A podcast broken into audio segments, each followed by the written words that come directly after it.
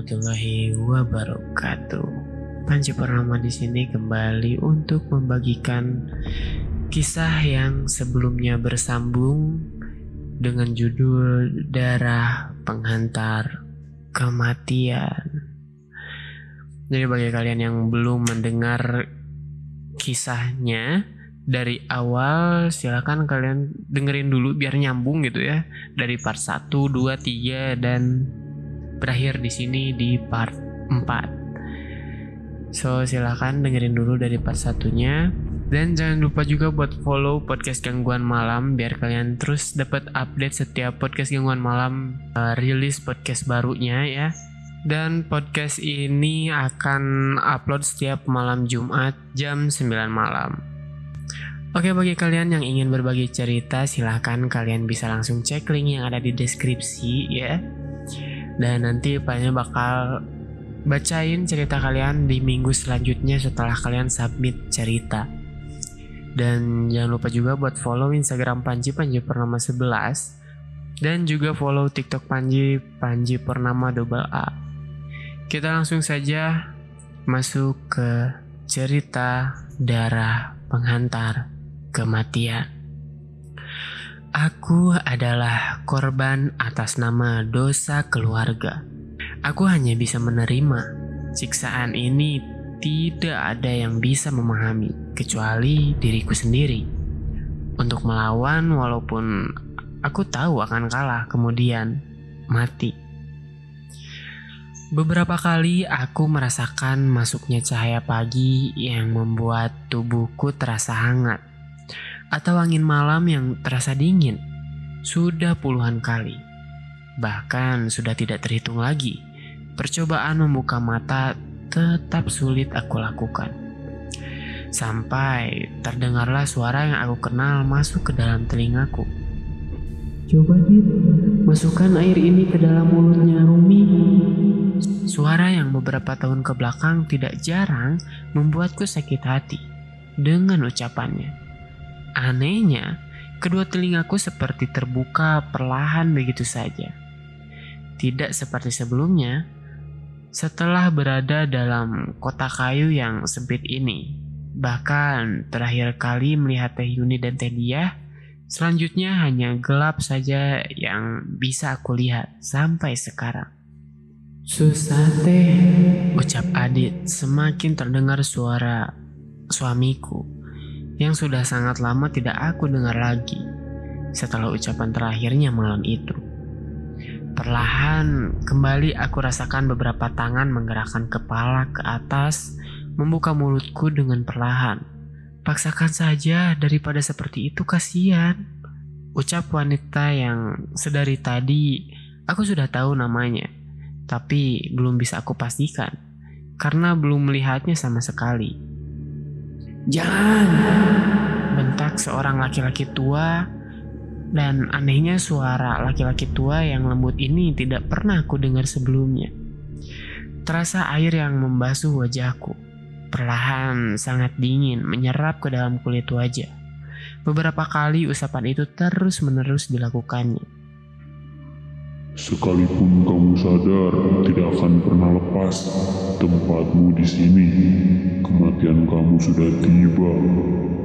Seseorang dengan dua tanduk yang melilit di kepalanya berbicara tepat di hadapan wajahku. Air liurnya menetes ke arah bajuku yang aku gunakan kini. Sekarang ayo lawan, Rumi. Ucap suara adik, hanya ingin berteriak sekuat mungkin yang ingin aku lakukan sekarang. Karena wajah aneh dan menjijikan semakin jelas aku lihat. Serta tertawa perempuan yang sudah jelas mengikutinya. Benar-benar sangat berisik. Teriakku sekuat mungkin. Bersamaan dengan itu, dinginnya air yang membasuh wajahku semakin terasa. Alhamdulillah, Ucap Adit dan Kang Enti secara bersamaan. Neng, minum ini. Ucap Biihat, langsung memasukkan air dalam gelas ke dalam mulutku. Aku masih terheran-heran, bahkan ketika mata perlahan terbuka, Aku sudah seperti sudah terpejam sangat lama sekali. Bahkan ketika melihat ke jendela kamar, di luar masih saja gelap. Dan aku lupa malam kapan terakhir aku tersadar. Sudah, saya pulang. Jangan paksa lagi saya untuk ikut campur urusan kalian. Ucap Bayaya, berjalan perlahan keluar kamar diikuti langsung oleh Kang Entis. Uh, sejak kapan Mbak Yaya ada di sini, Dit? Ucapku perlahan, karena Adit langsung duduk di sebelahku. Toko sudah dua hari buka, Rum. Semua barang sudah masuk. Ibu kamu sangat cemas dengan kondisi kamu. Dokter juga sudah beberapa kali datang ke sini mengecek kamu, Arumi. Tapi udahlah, bahaya hanya barusan datang ke sini. Ucap Adit sangat cemas. Neng Arum sudah empat hari lamanya terpejam. Setiap malam sering berteriak dengan tiba-tiba. Bibi cemas sekali. Ucap Biihat mengelap air matanya. Empat hari? Serius? Ucapku kaget. Sudah tenang. Ceritanya panjang, Rum. Jawab Adit memeluk badanku. Kia, Cio? Jawabku. Tiba-tiba teringat bagaimana nasib kedua anak perempuanku yang masih kecil. Kia dan Cio diurus sama Biihat. Udah, yang penting kamu sembuh terlebih dahulu. Ucap Adit. Benar, Neng. Bibi sudah lelah sama nggak tega.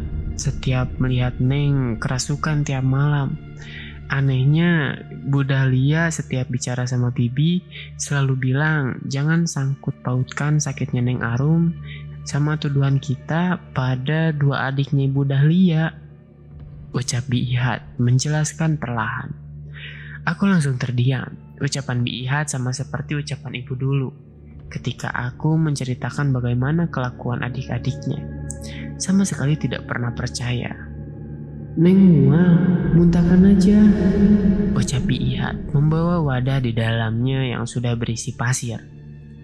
Tiba-tiba aku sangat kaget. Muntahan darah keluar begitu saja. Cukup banyak masuk ke dalam wadah berisikan pasir yang Bihat pegang. Adit dengan cepat berdiri dari duduknya, mengambil handuk kecil dan memberikan kembali aku air minum.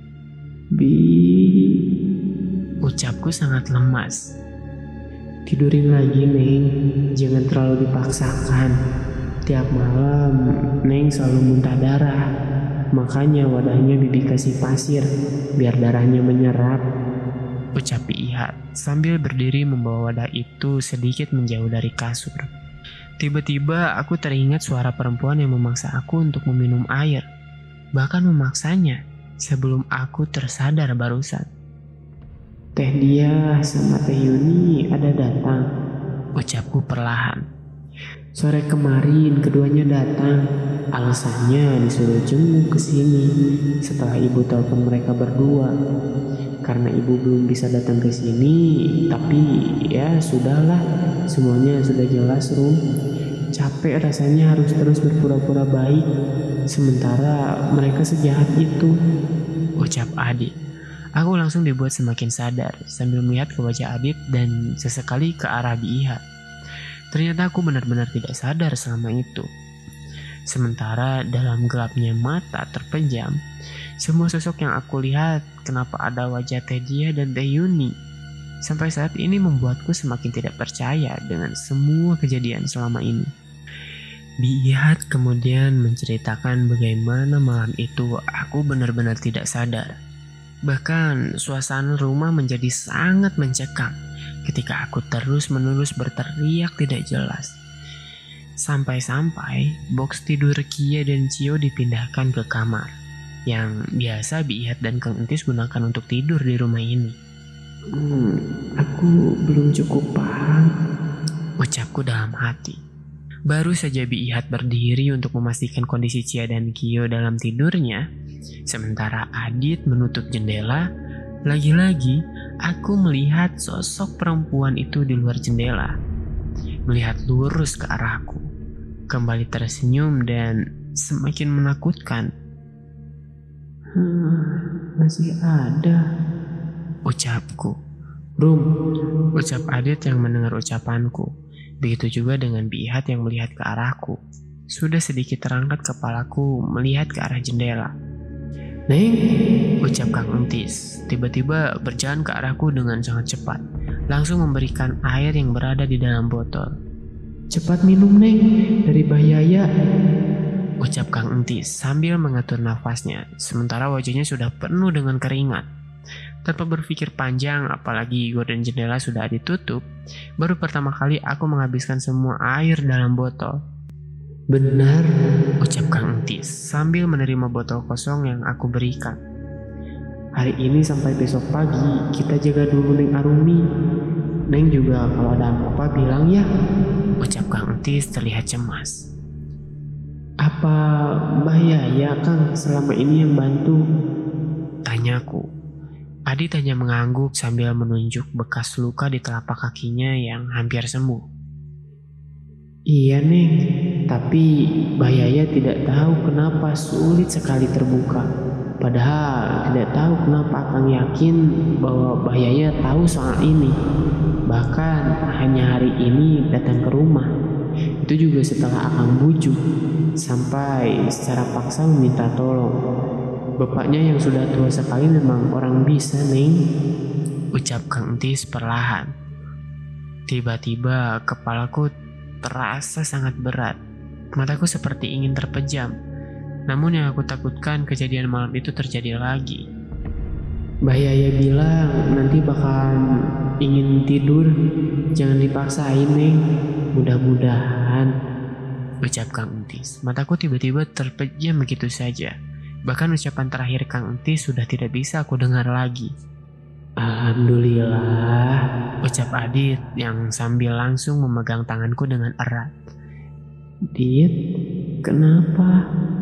Tanyaku sambil membuka mata perlahan. Namun terasa sekali keringat di badanku sangat banyak. Sudah, sudah.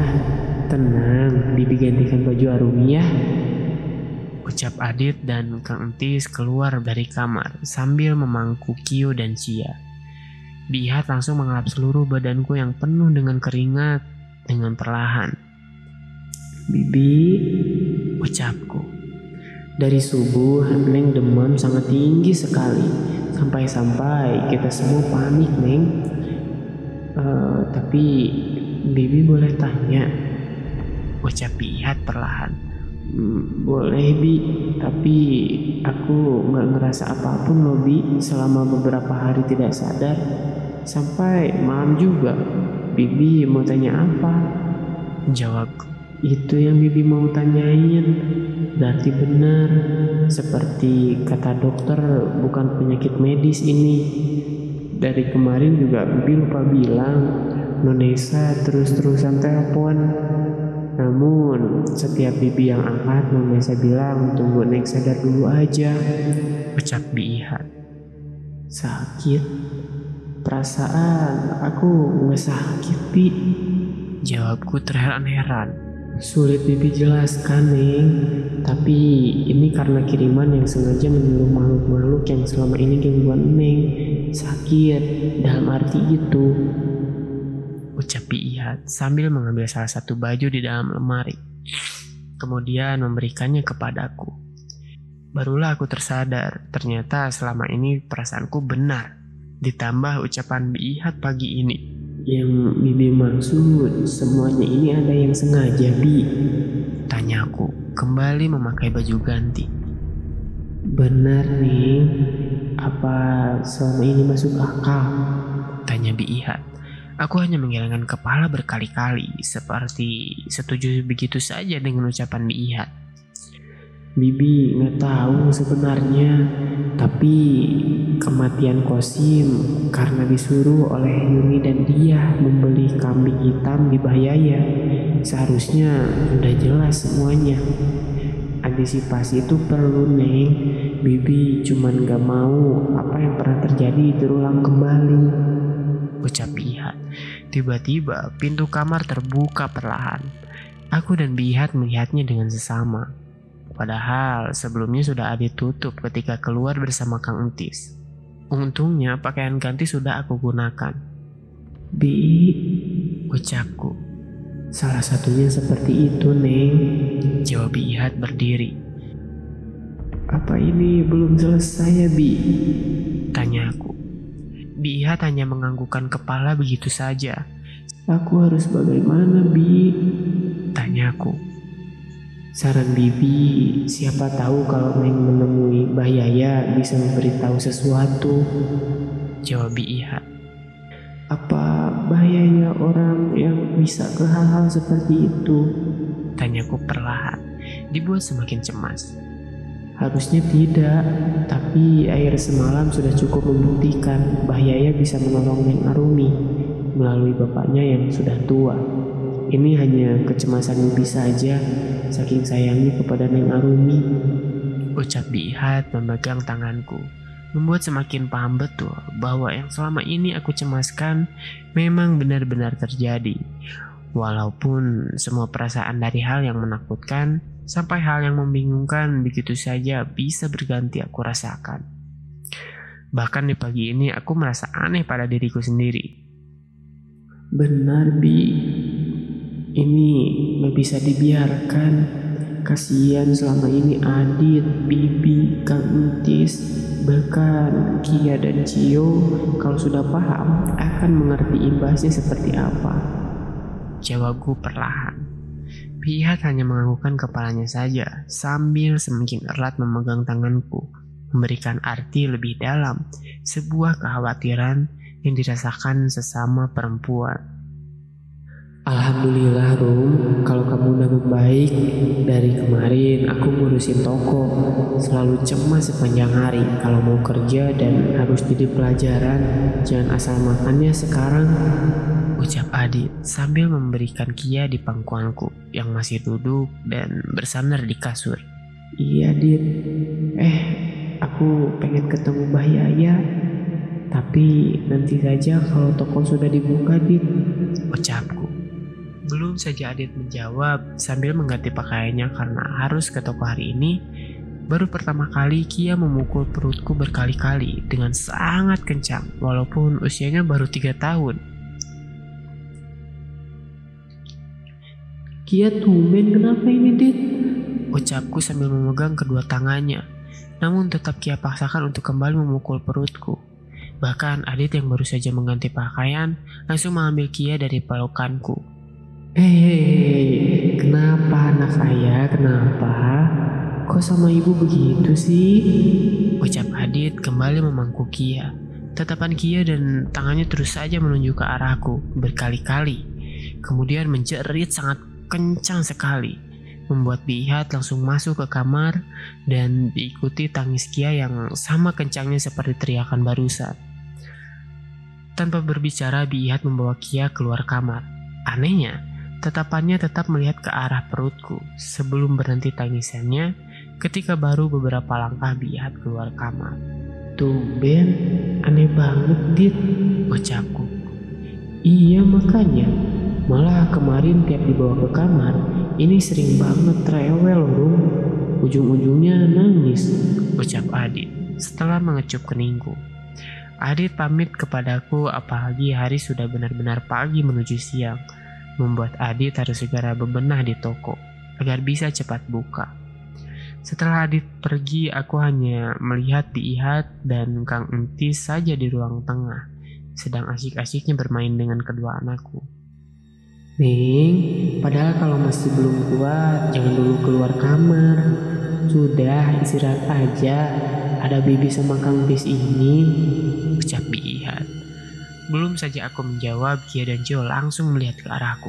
Berbeda dengan kejadian di kamar barusan dengan Kia. Sekarang Cio juga tiba-tiba menangis sangat kencang setelah melihat ke arahku. Aneh loh, Neng. Padahal tadi ketawa-ketawa. Ucap Kang Entis memangku Kio. Berbarengan dengan Bihat yang memangku Kia. Semakin Kia dan Cio menjauh dariku, semakin perlahan tangisannya. Membuatku semakin heran. Kalau gara-gara kejadian itu, ini keterlaluan. Ucapku dalam hati kembali ke kamar. Malah suasana kamar yang membuatku ingin berlama-lama tidak seperti biasa. Bahkan melihat tumpukan kertas soal laporan toko, dengan tiba-tiba aku menyingkirkannya begitu saja. Padahal niatan awalku ingin membantu membereskan laporan soal barang yang masuk ke toko. Aku membaca semua pesan masuk dari Nesa. Bahkan ternyata saking kagetnya, keadaan Pak Rizky belum sembuh total sampai hari ini. Setelah kepulangan Tita ke kampung membuatku baru sadar. Apa Tita sudah berkunjung ke sini? Ucapku. Karena hari semakin siang, Kia dan Cio sudah terlelap dibawa oleh Kang Entis dan Bi Ihat ke kamar. Dan padahal aku melihat jelas dua anak perempuanku sudah tertidur lelap. Namun ketika sudah disimpan di dalam box tidurnya, tiba-tiba menjerit dan kembali menangis. Jauh lebih kencang dari sebelumnya. Angkat saja Kang, pindahkan box tidurnya ke tengah rumah. Ucap. Aku langsung melihat ke arah Biihat dan Kang Entis, sangat terheran-heran. Pada perubahan drastisnya Kia dan Cio ketika masuk ke dalam kamarku. Membuatku harus merasakan kecemasan lagi. Padahal setelah obrolan pagi tadi dengan Biihat membuatku sedikit tenang. Kini kecemasan itu bersamaku lagi. Apalagi aku menyangkutkan pada semua kejadian yang telah terjadi di rumah ini. Dit, Kayaknya aku ingin pulang aja ke rumah ibu. Ketik jariku, kemudian mengirim pesan ke nomor Adit. Menyerah dengan semua kejadian di rumah. Dalam perasaan cemas, aku sudah mengetik panjang pesan untuk aku kirimkan kepada Nesa. Namun anehnya, dengan tiba-tiba aku kembali menghapus pesan itu. Saking kesalnya dengan sikapku yang berubah drastis, membuat aku membenamkan bantal di atas wajahku dengan sangat kuat sampai keadaanku sedikit sulit bernafas. Bahkan beberapa detik selanjutnya nafasku berada di ujung. Karena aku rasakan seperti ada yang mendorong bantal dari atas, membuat semakin sulit nafas keluar dari hidung maupun mulut. Nih, Kang Entis langsung menarik bantal di atas wajahku dengan sangat kuat. Saking kuatnya, bantal yang terlepas dari wajahku terlempar ke belakang begitu saja. Bisa kehabisan nafas, Neng, kalau dibiarin begitu. Ucap Kang Entis masih kaget. Aku masih mengatur nafas yang masih ngos-ngosan sambil tidak percaya dengan yang kulakukan barusan. Padahal ini siang hari. Tumben, apa masih ada pengaruh sosok itu? Ucapku dalam hati. Neng, di depan ada Teh Yuni, Tita, dan Kang Hasan ingin menjenguk ke kamar. Apa boleh? ucap Biihat. Baru saja aku akan menjawab ucapan Biihat dan Kang Entis menyimpan bantal kembali di atas kasur. Tiba-tiba, Kenapa sih Ihat? Segala izin segala, kayak aku bukan saudaranya aja. Ucap Teh Yuni melangkah masuk begitu saja. Syukur Rum kalau sudah sembuh. Sorry aku baru bisa jenguk nih.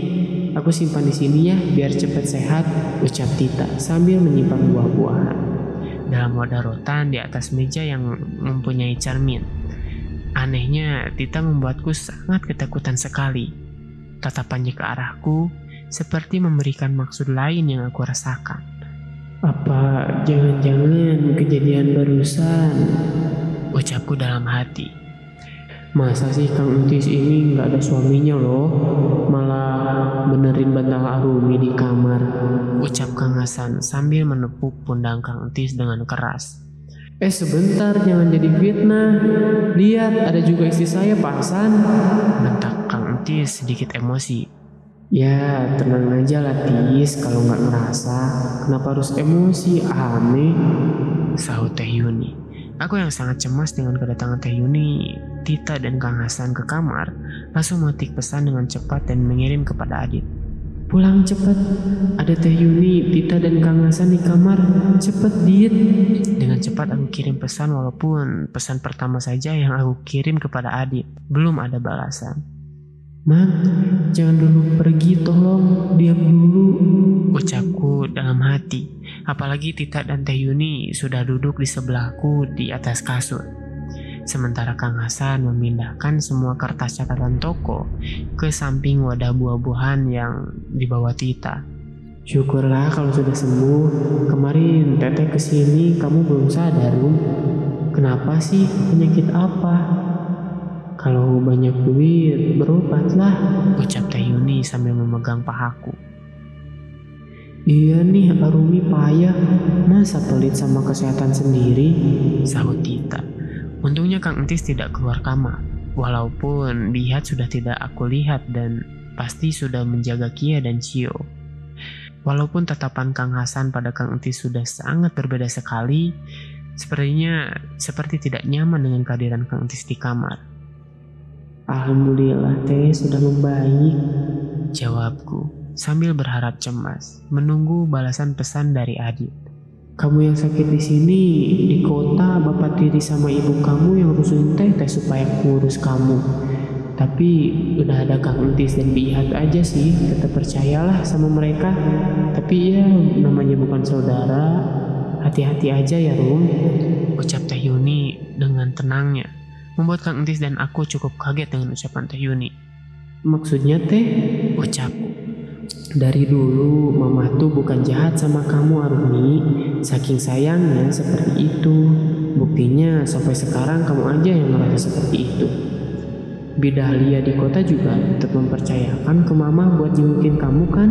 Ucap Tita. Aku langsung terdiam. Anehnya ucapan Tita dan Teh Yuni begitu saja masuk ke dalam telingaku. Terlihat Kang Entis hanya menggelengkan kepalanya. Ada benarnya Ucapku dalam hati. Yuk mah, ini masih banyak kerjaan. Maaf ya Rumi, Tita juga baru ke sini nyempetin. Ini juga demi pengen jenguk kamu. Sekarang, Akang sama Tita bisnis mobil di kota ini. Ucap Kang Hasan sambil pamit. Iya yuk, jangan sungkan-sungkan ya. Kalau perlu bantuan teteh, telepon aja. Kayak gak punya nomor teteh aja. Ucap Teh Yuni sambil berdiri, mengelus kepalaku berkali-kali. Duluan ya Rum, nanti kapan-kapan kalau santai aku sempetin deh main ke sini ya sama calon suami aku. Malu, masa Arumi aja udah dua anaknya mah? Jawab Tita. Nikah muda kan, begitu Tita. Jangan sampai aja kayak kakak mama si Dahlia dan bapak kandungnya Rumi. Ucap Teh Yuni perlahan sambil berjalan keluar kamar. Kang Tis langsung mengikuti langkah Teh Yuni, Tita, dan Kang Hasan keluar dari kamarku. Tidak tahu kenapa setiap ucapan Teh Yuni dan Tita masuk begitu saja dalam pikiranku. Apalagi ucapan terakhir Teh Yuni harusnya membuatku merasa tersinggung, malah curiga kepada Adit. Walaupun kecurigaan itu tanpa sebab. Anehnya, terlihat dari jendela mobil Kang Hasan mundur dan anehnya lagi, ketika datang, aku tidak menyadari kedatangannya. Mungkin juga aku sudah ditutup oleh bantal, seperti kejadian barusan dan sekarang aku sedang mengingat semua keanehan terjadi sebelum kedatangan Teh Yuni siang ini. Kang Tis dan Bihat sama sekali tidak ada yang kembali. Aku yakin pasti sedang beristirahat, berbarengan dengan Kia dan Cio seperti hari-hari biasanya. Tiba-tiba terdengar pintu depan terbuka dengan sangat kencang sekali. Padahal aku sedang memikirkan semua ucapan Teh Yuni barusan. Kang, apa kamu udah gila? Mending pergi sekarang. Bentak suara Adit sambil berteriak. Aku langsung terbangun dari kasur, berjalan dengan cepat ke ruangan tengah. Ada apa nih? Ucap Biihat yang keluar dari dapur berjalan bersamaan denganku. Adit, bentakku. Badan Kang Etis yang sudah Adit pojokan ke tembok. Kerah bajunya sudah diangkat sambil lehernya Adit cekik. Dit, lepaskan. Bentakku keras sambil mendekat ke arah Adit. Wajah Adit sudah sangat merah sekali dengan pakaiannya sudah kusut. Apalagi Kang Tis masih terlihat sangat kaget. Pergi sekarang Kang. Selama ini aku percaya dan menghargai Akang. Kenapa seperti itu ah? Bentak Adit sangat keras. Bahkan Kia dan Cio yang masih tertidur tiba-tiba terbangun begitu saja. Membuat aku dan Biihat ke arah Kia dan Cio. Anehnya dua anakku tidak menangis ketika aku gendong. Tidak seperti kejadian pagi tadi. Hei sadar kenapa kamu ini? Ucapku. Diam. Cepat pergi Kang. Pergi. Bentak Adit dengan nafas yang semakin tidak tenang. Kang Untis hanya menggelengkan kepalanya saja kemudian tertunduk. Saya pamit, ucap Kang Tis. Adi tidak lagi melihat ke arahku, melainkan langsung masuk ke kamar dengan menutup pintu kamar sekencang mungkin. Sementara langkah Kang Entis semakin menjauh dari rumah. Pasti fitnah dari Kang Hasan. Dan kenapa tiba-tiba Pak Adit bisa percaya begitu saja? Ucap Iya. Bi, maafin suami aku ya. Ucapku sambil berusaha membenarkan ucapan Biha. Harusnya Bibi sakit hati melihat ketulusan selama ini Kang Entis malah seperti itu. Tapi yakin ini semakin aneh setiap Teh Yuni datang. Ucap Iha sambil menidurkan kembali Kia. Dan aku menidurkan Cio. Karena tidak enak hati dengan Bi Ihat, aku mengucapkan maaf berkali-kali. Beruntungnya Bi Ihat memakluminya. Dan aku juga yakin, pasti tanpa sebab Adit melakukan hal seperti barusan. Dit, jelaskan, tidak usah berteriak-teriak. Bentakku masuk ke dalam kamar. Kang Tis sudah ngapain kamu, ha? Bentak Adit. Udah menolongku, hampir saja aku mati kehabisan nafas. Ketika kejadian aneh di kamar barusan sebelum datang Teh Yuni, kenapa? Kamu udah gila? Ucap. Adit tidak menjawab lagi, hanya mengusap wajahnya dengan kedua tangannya. Sangat kuat, kemudian mengacak-acak rambutnya sendiri. Rum, aku di jalan barusan ketemu mobil Kang Hasan. Salahnya aku nggak melihat handphone ketika pesan yang kamu kirim masuk ketika di toko. Setelah beberapa menit, baru melihatnya dan langsung pulang. Ucap Adi, menatap ke arahku. Wajahnya sudah tidak semerah barusan. Terus? Tanyaku, masih kesal dengan perlakuan Adit pada Kang Entis. Lalu mereka berhenti dan bercerita sudah dari sini. Tapi Kang Hasan malah bilang melihat Kang Uti sudah membenarkan bantal di kamar ini. Ketahuan oleh Kang Hasan. Demi Allah, Rum. Awalnya aku tidak percaya sama sekali. Apalagi aku tahu Teh Yuni dan keluarganya seperti apa. Tapi aneh, tiba-tiba aku gak sadar ketika melihat pintu rumah. Dit, Adit, saranku sekarang juga kamu pergi ke rumah Kang Tis. Minta antar sama Bihat, biar aku di rumah jaga Cia dan Kyo. Cepat. Ucapku sedikit tegas. Tidak lama aku pun langsung berbicara kepada Bihat, menemuinya di dapur. Soal kesalahpahaman Adit dan membenarkan sangkaan Bihat. Kan Eng sudah pasti, tapi kenapa Pak Adit bisa percaya begitu saja? Ucap Bihat. Tidak lama Adit ke dapur. Setelah berganti pakaian, Adit menjelaskan semuanya kepada Biihat, membuat Biihat paham dengan segala keanehan ini. Uh, tapi Bibi nggak mau ninggalin Ning Arumi sendirian. Ucap Biihat. Gak apa-apa, Bi. Jawabku. Gak akan lama kok, Bi. Saut Adit. Biihat, aku dan Adit langsung berjalan ke depan rumah. Beruntungnya siang ini Kia dan Cio masih terlelap dalam tidur siangnya. Pintu dapur mau bibi tutup, Neng. Lupa. Ucap Biihat perlahan. Gak apa-apa, Bi. Biar aku yang tutup. Jawabku. Setelah motor yang Adit gunakan untuk membonceng Biihat menuju rumahnya semakin menjauh, segera aku berjalan ke dapur untuk menutup pintu. Ketika perlahan aku menutup pintu, aku melihat seorang laki-laki berjalan perlahan membelakangi aku. Padahal pintu belum tertutup rapat. Dari belakang aku melihatnya hanya menggunakan kaos hitam dengan topi coklat ke arah kebun. Yang beberapa hari kebelakangan digunakan Bahyaya untuk menggembala kambing-kambingnya. Awalnya ingin sekali aku berteriak dan memastikan siapa laki-laki itu. Tapi karena aku sendirian di rumah, hanya dengan dua anak perempuan, membuatku mengurungkan niatan itu. Laki-laki itu berjalan dengan sangat pelan. Aku terus saja mengintip dari belakang pintu dapur. Sampai masuk perlahan ke dalam kebun. Kemudian perlahan menghilang begitu saja karena tertutup beberapa kebun pisang dan tanaman lainnya. Aneh, siapa ya? Gak mungkin tanpa niatan atau tiba-tiba. Ucapku dalam hati sambil mengunci pintu kemudian berjalan ke depan rumah dengan cepat karena ingat pintu depan belum kututup. Ketika langkah kaki sudah melewati kamar beberapa kali, aku baru menyadari seperti ada orang di dalam kamarku. Apalagi pintunya masih terbuka. Tidak ada siapa-siapa. Sambil memastikan apalagi cahaya matahari siang ini masuk ke dalam kamar. Walaupun perasaanku bercampur karena seperti melihat seseorang yang sedang berdiri di depan cermin. Sudah hampir satu jam, Adit belum kembali bersama Biihat. Sementara Kia dan Cio sudah terbangun. Pintu depan rumah sengaja aku buka untuk sekedar membuatku merasa tenang saja. Karena kejadian di belakang barusan membuatku semakin berhati-hati. Tiba-tiba suara benda jatuh dengan keras aku dengar di kamar. Bersamaan dengan itu, aku melihat motor Adit kembali. Anehnya, hanya seorang diri. Lagi-lagi suara benda terjatuh itu aku dengar jelas di kamar. Semakin jelas suaranya. Bahkan Kia dan Cio sampai dibuat kaget oleh suara itu. Beruntungnya motor Adit sudah sampai di halaman depan rumah. Mana bihatnya, Dit? Gak ikut lagi? Tanyaku. Alhamdulillah Kang Tis paham Rum.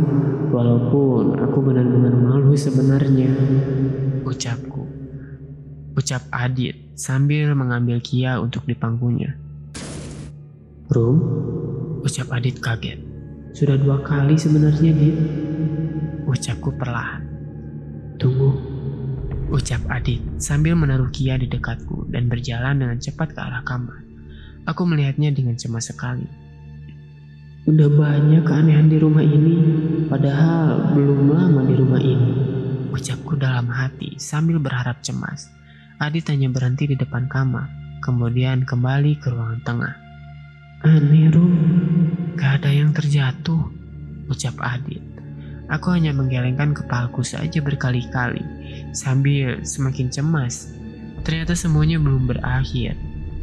Setiap kedatangan Teh Yumi selalu membawa masalah, ucap Adit dengan kesalnya. Ibu juga aneh, Dit. Menghubungi aku setelah kejadian kemarin aja, setelah begini sama sekali tidak ada kabar. Pasti yang dihubunginya adik-adiknya aja, ucap. Padahal aku ingat dari dulu ketika kamu di rumah ibu gak pernah tuh nanya kabar adik-adiknya. Jawab Adit. Hari semakin sore, Biihat sudah kembali datang ke rumah, walaupun tanpa Kang Entis. Nanti malam nyusul Kang Entis, ada urusan dulu barusan Pak Adit. Ucap Biihat. Sampai malam semakin larut, Kia dan Cio juga masuk ke dalam box tidurnya. Sama sekali Kang Entis belum kembali. Aku menceritakan kejadian di dapur siang itu kepada Adit. Membuat Adit yang sudah tertidur di atas kasur terbangun. Kenapa, Dit? Tanyaku. Eh, aku baru lihat. Itu keranjang apa, Rum? Tanya Adit. Buah-buahan yang dibawa tidak barusan pagi. Udah biarin aja. Lupa mau disuruh lihat buang. Jawabku. Iya bener, jangan asal makan ya Rum. Jawab Adit. Soal laki-laki tadi siang gimana Dit? Tanyaku. Malam ini aku nggak akan tidur terlalu lelap. Tengah malam akan keliling lagi Lagian luka di kaki udah sembuh walaupun Kang Entis misalnya belum datang. Ucap Adit. Tapi hati-hati ya Dit. Ucapku semakin cemas. Lagian kenapa lewat rumah ini laki-laki itu kalau tanpa kepentingan ya Rum? Tanya Adit. Tiba-tiba pintu depan terbuka perlahan. Aku dan Adit mendengarnya sangat jelas. Kang? Ucap Adit kembali terbangun berjalan dengan cepat keluar kamar. Kang? Teriak Adit. Iya pak, ini Akang. Terdengar jelas suara Kang Entis, membuatku semakin tenang. Sudah, ayo tidur rum. Jangan mikir aneh-aneh lagi ya. Ucap Adit, kembali menjatuhkan badan di sebelahku. Seharusnya, kedatangan Kang Entis kembali ke rumah ini setelah Adit meminta maaf, membuatku tenang Anehnya, dengan segala kejadian yang pernah terjadi di rumah ini, tidak semudah mengikuti ucapan Adit agar aku tidak berpikir yang aneh-aneh. Aku terbangun dari tidur lelapku. Apalagi Adit sudah tidak ada di sebelahku malam ini. Melihat jam hampir tengah malam. Namun, aku cukup tenang melihat Adit akan berkeliling rumah. Ketika mata aku paksakan kembali untuk terpejam, aku mencium bau busuk buah-buahan dari arah cermin.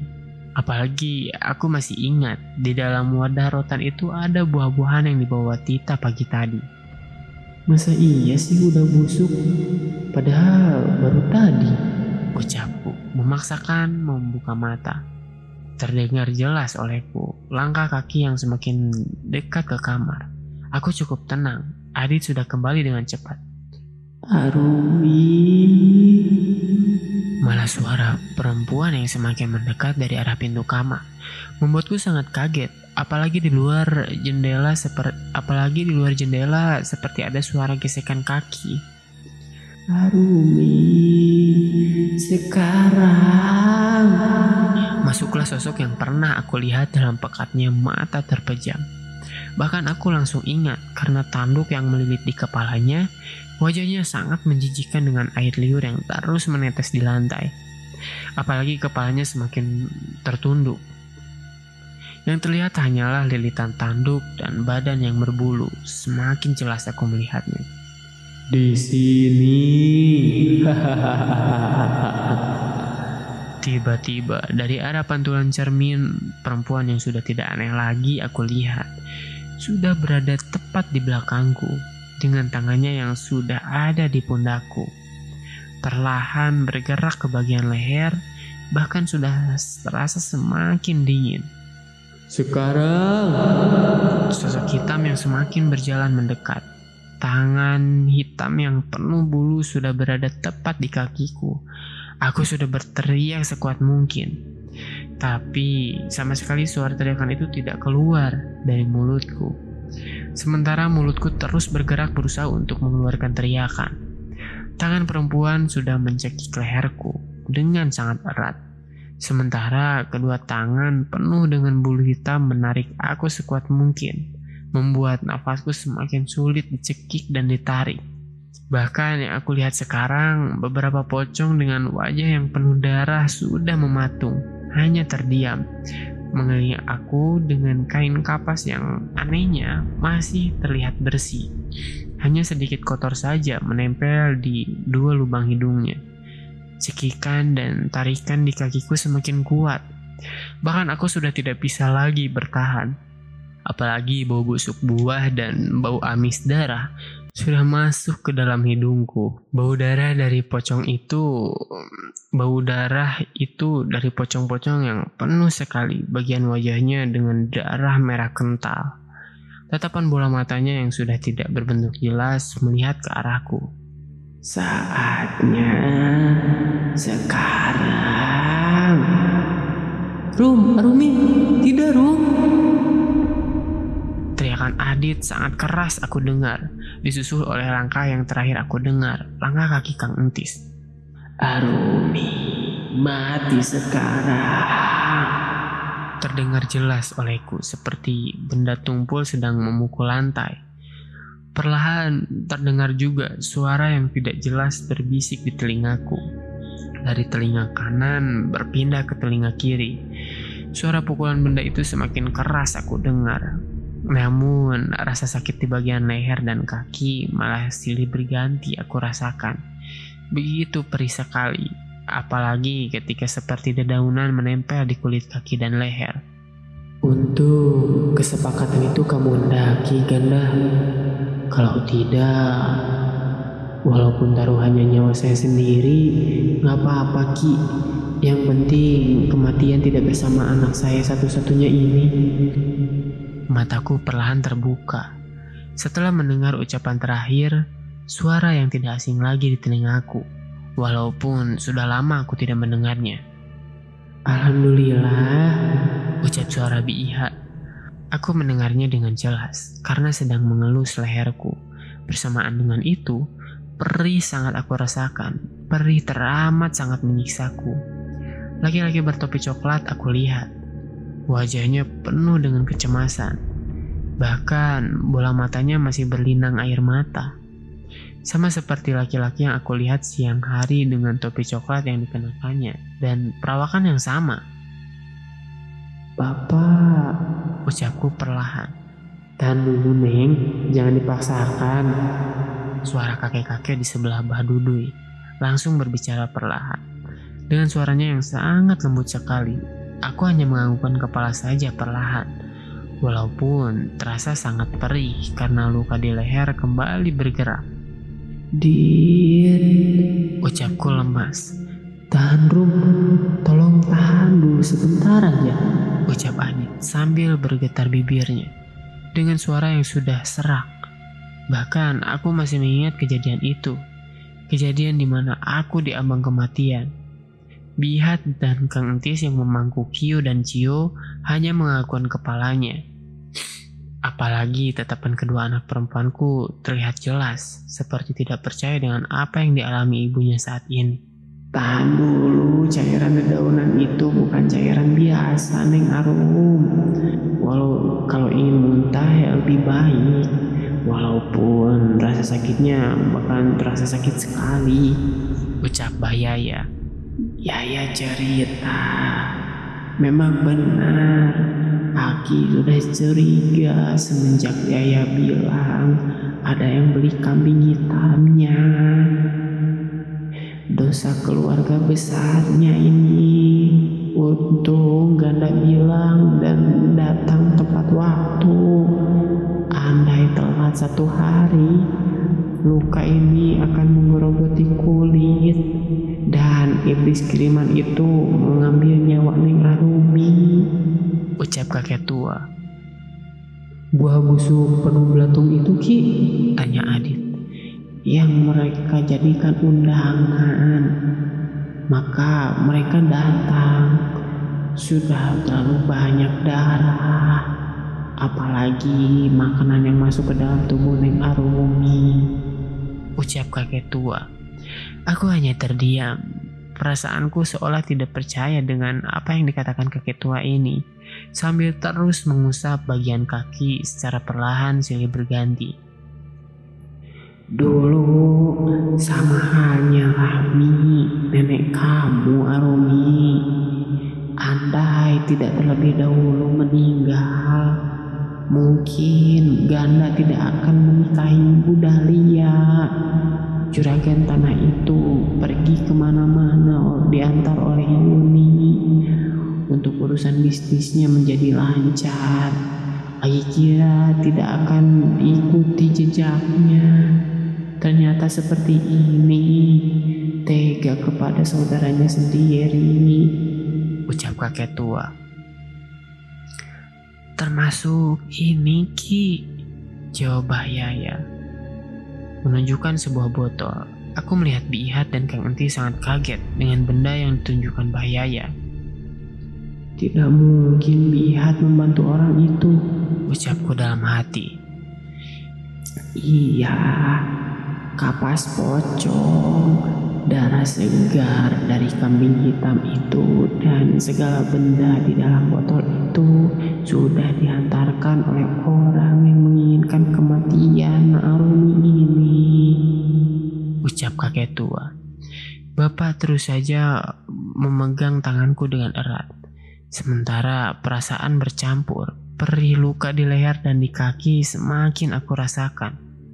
Bakalan ada saatnya di mana darah penghantar kematian ini harus membawa nyawa yang sudah dijanjikan kepadanya. Ucap kakek tua.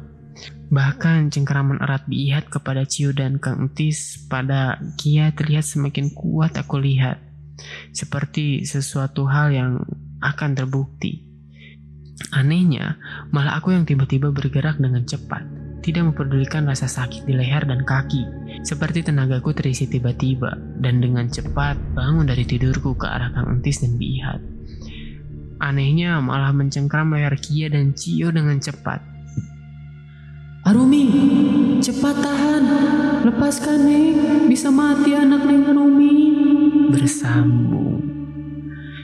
Akhirnya part keempat sudah berakhir dan akan dilanjutkan lagi di part kelima di part selanjutnya yang pastinya akan upload di malam Jumat selanjutnya. Jadi bagi kalian yang belum follow podcast Gangguan Malam silahkan follow dulu ya. Tinggal tap aja tombol follow yang ada di profile podcast Gangguan Malam. Dan oh ya, Panji ingetin lagi juga bagi kalian yang ingin berbagi cerita silahkan cek link yang ada di deskripsi episode malam ini. Silahkan langsung aja kalian tulis cerita kalian di situ secara rinci dan nanti Panji bakalan bacain cerita kalian di minggu selanjutnya setelah kalian submit cerita. Dan jangan lupa juga buat kalian follow Instagram Panji Panji Purnama 11 dan juga TikTok Panji Panji Purnama double A. Untuk username-nya Panji simpen di deskripsi episode kali ini. Oke, mungkin saya Panji Purnama undur pamit dari ruang dengar Anda semuanya. Wassalamualaikum warahmatullahi wabarakatuh.